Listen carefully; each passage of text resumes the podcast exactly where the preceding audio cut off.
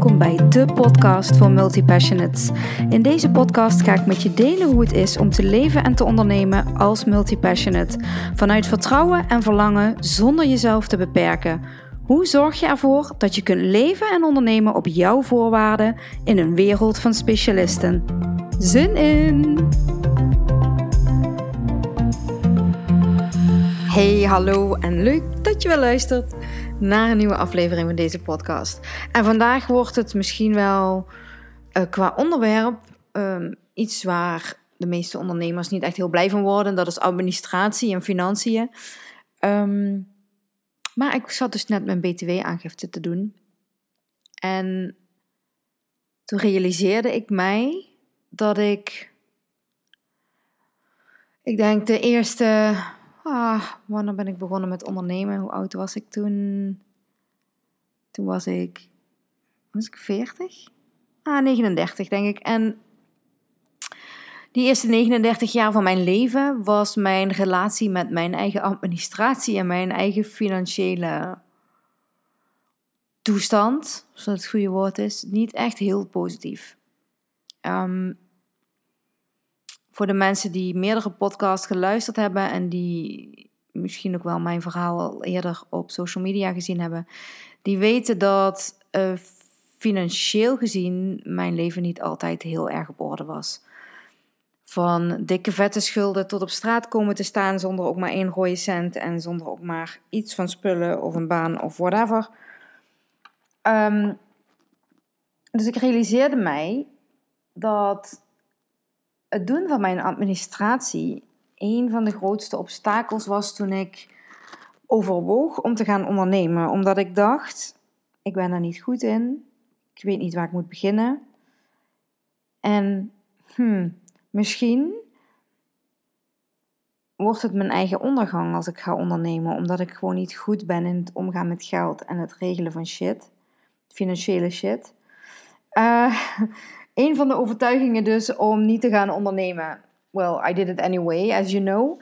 Um, maar ik heb wel, ben wel van begin af aan heel streng voor mezelf geweest. Of niet heel streng, maar vooral heel duidelijk. En ik dacht, ik wil graag op de hoogte zijn van hoe ik mijn administratie zo goed mogelijk kan doen. Zodat ik nooit in een situatie kom waarop ik het niet geregeld krijg. En ik vroeg een boekhouder. Mijn vriend en ik zijn in het begin, we zijn tegelijk gestart. En dat was één boekhouder die wij via via kennen, waarvan we dachten, nou oké, die gaat onze administratie doen. Hij doet inmiddels nog steeds de administratie van mijn vriend, maar niet die van mij. En dan ga ik je nu uitleggen waarom. Um, je hebt traditionele boekhouders en je hebt iets minder traditionele boekhouders. En de traditionele boekhouder die um, komt aan met een Excel-bestand, in dit geval. een Excel-bestand met een hele waslijst aan grootboekrekeningen. En ik moest dat bestand maar bij gaan houden. Daar moest ik elke uitgave in opslaan. Um, alle inkomsten moest ik daarin zetten. En um, dan zou hij uh, de aangifte wel doen. Ik moest mijn bonnetjes bewaren.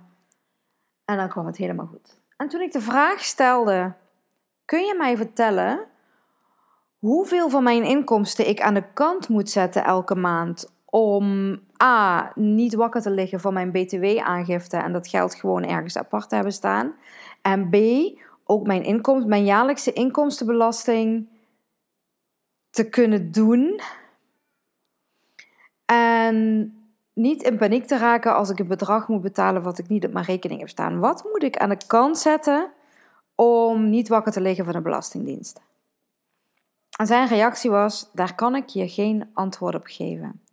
Dit ontdek je pas op het moment dat je je aangifte gedaan hebt. Kijk, je BTW-aangifte, ja, dat kun je, je zet gewoon 21% aan de kant van alles wat je ontvangt. En dat is, dat is redelijk helder. Maar je jaarlijkse inkomstenbelastingaangifte kan ik je niet zeggen hoeveel je aan de kant moet zetten. En daar bleef het bij. En ik dacht, ja maar, hè? Dat betekent dus dat ik elk jaar een belastingaanslag krijg waarvan ik geen idee heb wat ik moet betalen. En dat ik maar moet kijken hoe ik dat geld dan bij elkaar krijg. Of dat ik dan maar moet kijken of ik door het jaar heen iets aan de kant zet. En het ja, is niet zo belangrijk hoeveel. Ik kreeg daar een soort van kortsluiting. Sorry. Ik kreeg een soort van kortsluiting en ik dacht, ja maar wacht even. Dat werkt voor mij niet. Ik hou, ik hou echt van duidelijkheid, helderheid en van begrijpen waarom ik doe wat ik doe. Dus dat was voor mij het teken om op onderzoek uit te gaan. En um, al heel snel hoorde ik van het concept Profit First. En daar ging ik meteen op aan. Ik ga heel eerlijk met je zijn, ik heb niet het hele boek gelezen.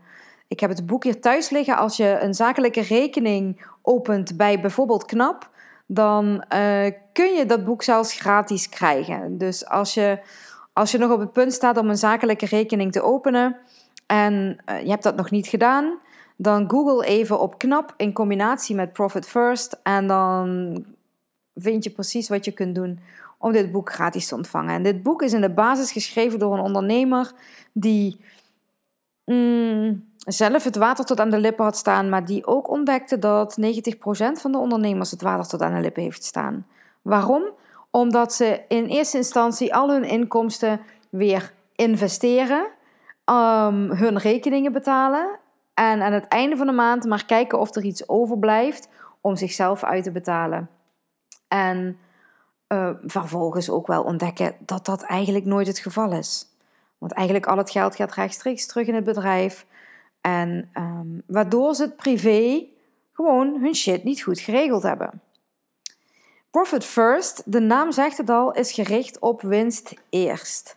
Dat betekent, ik ga heel kort even uitleggen hoe dit concept werkt. Je krijgt geld binnen.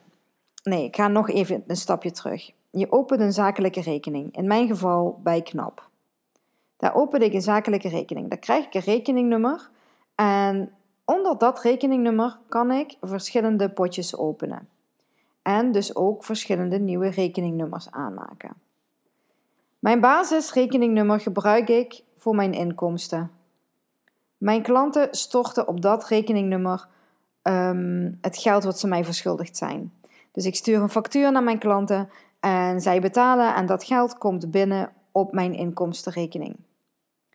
Vervolgens, volgens het boek, doe je dit twee keer per maand. Ik doe dit zelf, ik ben eigenwijs. Ik doe dit zelf één keer per maand. Ga ik zitten en dan kijk ik naar mijn inkomstenrekening en dan zie ik wat daarop binnen is gekomen. En dat geld ga ik onderverdelen in verschillende potjes. Het eerste potje is winst, profit first. En dat hoeft niet een joekel van een bedrag te zijn. Dat mag 1% zijn of 5% van wat je binnenkrijgt. In mijn geval is het, geloof ik, even uit mijn hoofd. Ik heb het lijstje niet naast me liggen. 5% van mijn inkomsten gaat naar mijn winstrekening. Die winstrekening is een, een rekening die ik onzichtbaar heb gemaakt in mijn KNAP-app. Ik zie dus niet in één oogopslag wat op die winstrekening staat. Uh, sterker nog, het is de bedoeling dat ik dat geld van mijn winstrekening regelmatig overboek naar een rekening waar ik niet zomaar geld uit kan opnemen. In mijn geval, wat ik doe, ik ben een beetje eigenwijs, dus ik vul het ook een beetje naar eigen inzicht in. Ik maak de helft over naar een rekening waar ik niet aan kan. We weten allemaal dat uh, rentes bij banken niet zo heel spannend zijn. Dus die andere helft, die investeer ik. En die investeer ik in onder andere crypto's. Maar dat is geld wat um, ja, een, een leuk extraatje is, maar geld waar ik niet aankom. Geld wat ik aan de kant zet voor de lange termijn. Vervolgens ga ik een bepaald percentage overmaken naar mijn rekening voor de Belastingdienst. En daar gaat natuurlijk 21% van mijn BTW naartoe. Eh, sterker nog, je kunt bij uh, KNAP zelfs BTW-sparen inschakelen. Dan zet hij van alles wat binnenkomt automatisch 21% door naar een andere rekening. Hoef je zelf niks voor te doen. En daarnaast zet ik nog ongeveer, um, even uit mijn hoofd, 10 tot 14% daarvan aan de kant naar een belastingrekening waarmee ik mijn jaarlijkse inkomstenbelasting betaal. Dus dat. Vervolgens zet ik een percentage naar een kostenrekening. En die rekening gebruik ik dus om al mijn kosten te betalen. Als ik ga lunchen met iemand, met een potentiële klant of met uh, een VA of wat dan ook, dan komt dat allemaal van mijn kostenrekening. Als ik een investering wil doen, gaat dat ook van mijn kostenrekening. Als ik een nieuwe laptop wil kopen, gaat het van mijn kostenrekening. Um, mijn, eh, de kosten voor uh, het hosten van mijn website gaat van mijn kostenrekening. Coaching die ik zelf volg, gaat allemaal van mijn kostenrekening. Dus alle kosten die ik maak, gaan van mijn kostenrekening. Dan maak ik een bepaald percentage en ik geloof even uit mijn hoofd, iets van 30% um, gaat naar mijn kostenrekening. Ik heb het volgens mij zelfs lager gezet, omdat ik eigenlijk in de basis niet heel veel kosten maak. Als je een online bedrijf hebt, zijn de kosten vaak ja, best laag. Als ik kijk naar mijn vriend, die moet natuurlijk inkopen. Die moet thee, die moet kruiden, die moet andere producten inkopen. Die heeft een hogere kostenpost. Voor mij is die best laag. Ik zet dus een bepaald percentage naar mijn kostenrekening. Dat betekent dat als ik een investering wil doen, of als ik iets wil kopen zakelijk, en het staat niet op mijn kostenrekening, dan kan ik de investering dus niet doen. Eigenlijk is het super plat en super simpel. Als ik zie dat ik, uh, stel ik wil een nieuwe laptop kopen en die kost 1500 euro en ik kijk op mijn kostenrekening en er staat geen 1500 euro op, kan ik dus ook de laptop niet kopen. Dat is een afspraak die ik met mezelf maak. En al het overige, en dat is in mijn geval ook nog iets van een, even kijken, 30% denk ik, 40%, gaat naar mijn salarisrekening. Ik ga even pauzeren, want ik word gebeld en de telefoontje moet ik even opnemen. Yes, ben weer terug. Dus waar ik gebleven was, die overige 40% ongeveer, um, vul dit vooral naar eigen inzicht in, gaat naar mijn salarisrekening. En dat is mijn salaris. Super simpel. Super helder. Je hoeft er ook niet heel hard over na te denken. Je hoeft er ook niet heel veel moeite voor te doen. En het allermooiste aan dit hele concept is rust. Ik ervaar rust. Mijn administratie is zo helder, zo overzichtelijk. En je kunt dit doortrekken in alles wat je wil. Hè? Ik bedoel, ik heb ook een, een privérekening bij KNAP. En daar heb ik ook potjes aan gemaakt. En dat zijn dan geen winstbelasting en kostenpotjes, maar dat zijn uh, vakantie, vaste lasten, uh, dat soort dingen. En je kunt het zelfs zo ver doortrekken. Ik bedoel, ik ken mensen die wel 40 potjes hebben aangemaakt voor zichzelf. Een verjaardagspotje, een autopotje, een. Uh, je kunt zo gek niet bedenken. Een bioscooppotje, noem maar op. Um, dit creëert overzicht. In elk geval voor mij. Wat ik namelijk veel klanten van mij ook zie doen, die krijgen alles op één plek binnen, die gaan vanuit die plek alles betalen en zien wel of er nog iets overblijft voor hun. En dat levert heel vaak onrust op. En voor mij werkt het om dingen helder te hebben, om te weten wat ik doe, waarom ik dat doe. En wat heel veel uh, oude tijdsboekhouders, zo noem ik ze maar even, doen, is um, tegen je zeggen: laat dat nou maar aan mij over, doe jij maar waar jij goed in bent en dan regel ik je administratie. Voor mij voelt dat heel onrustig. Ik wil gewoon heel helder hebben hoe mijn financiën erbij staan. Dat geeft mij rust. Ik moet dus heel eerlijk zeggen dat vanaf ik ben gaan ondernemen, ik in één keer geniaal en briljant ben in het doen van mijn administratie. Ja, something definitely changed here. um, daar komt ook nog eens bij dat ik, en dit kan ik echt iedereen, iedereen aanraden die gaat ondernemen, zorg dat je een goed boekhoudsysteem hebt. Ga niet lopen kutten met Excel-sheetjes. Sorry voor de boekhouders die zweren bij Excel-sheetjes, maar echt, boah, dat geeft mij zoveel chaos en dat maakt dat ik mijn administratie niet begrijp. Ik heb bijvoorbeeld um, Jort aangeschaft. En Jort is een online boekhoudsysteem waarin je facturen kunt maken, waarin je offertes kunt maken, waarin je uh, automatisch facturen kunt laten versturen, waarin je je bankrekening kunt koppelen, die dan weer gekoppeld wordt. Als ik stel voor, hè, ik maak een factuur voor een klant van mij. Die klant betaalt vanuit, ehm, vanuit die, die klant van mij krijgt een mail. En in die mail staat en de factuur, maar ook een link waarin ze met Ideal die factuur kunnen betalen.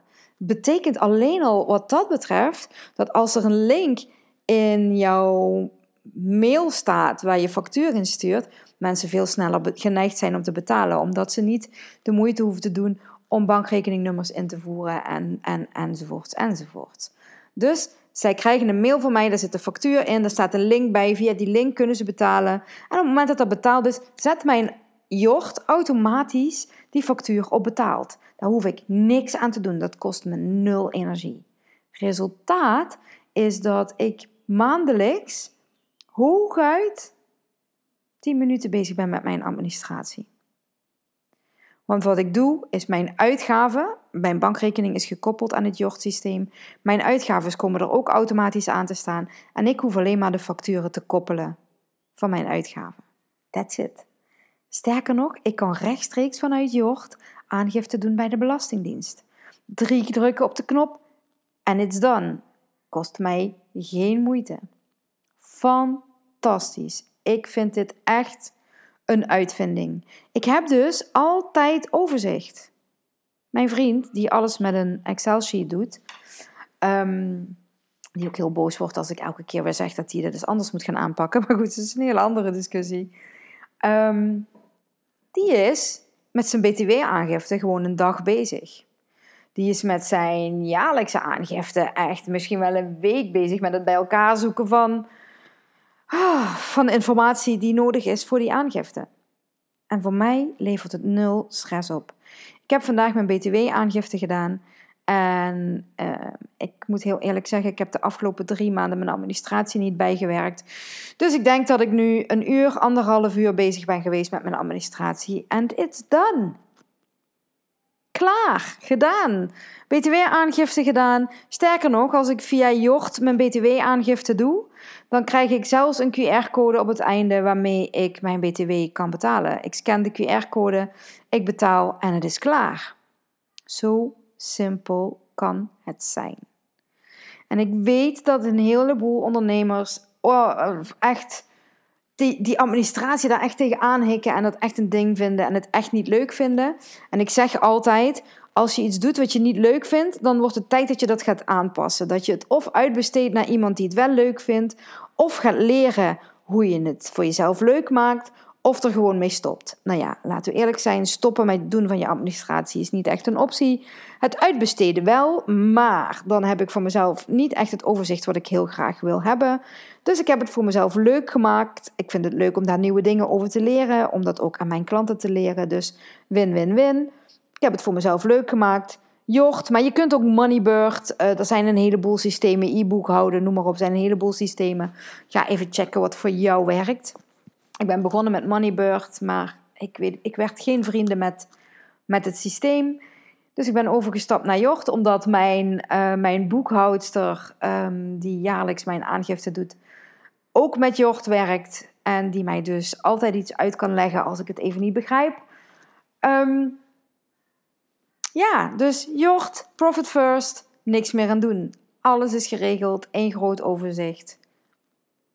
En um, ja, dat, dat gemak en dat overzicht levert mij zoveel rust op dat het echt de moeite waard is om dit te onderzoeken.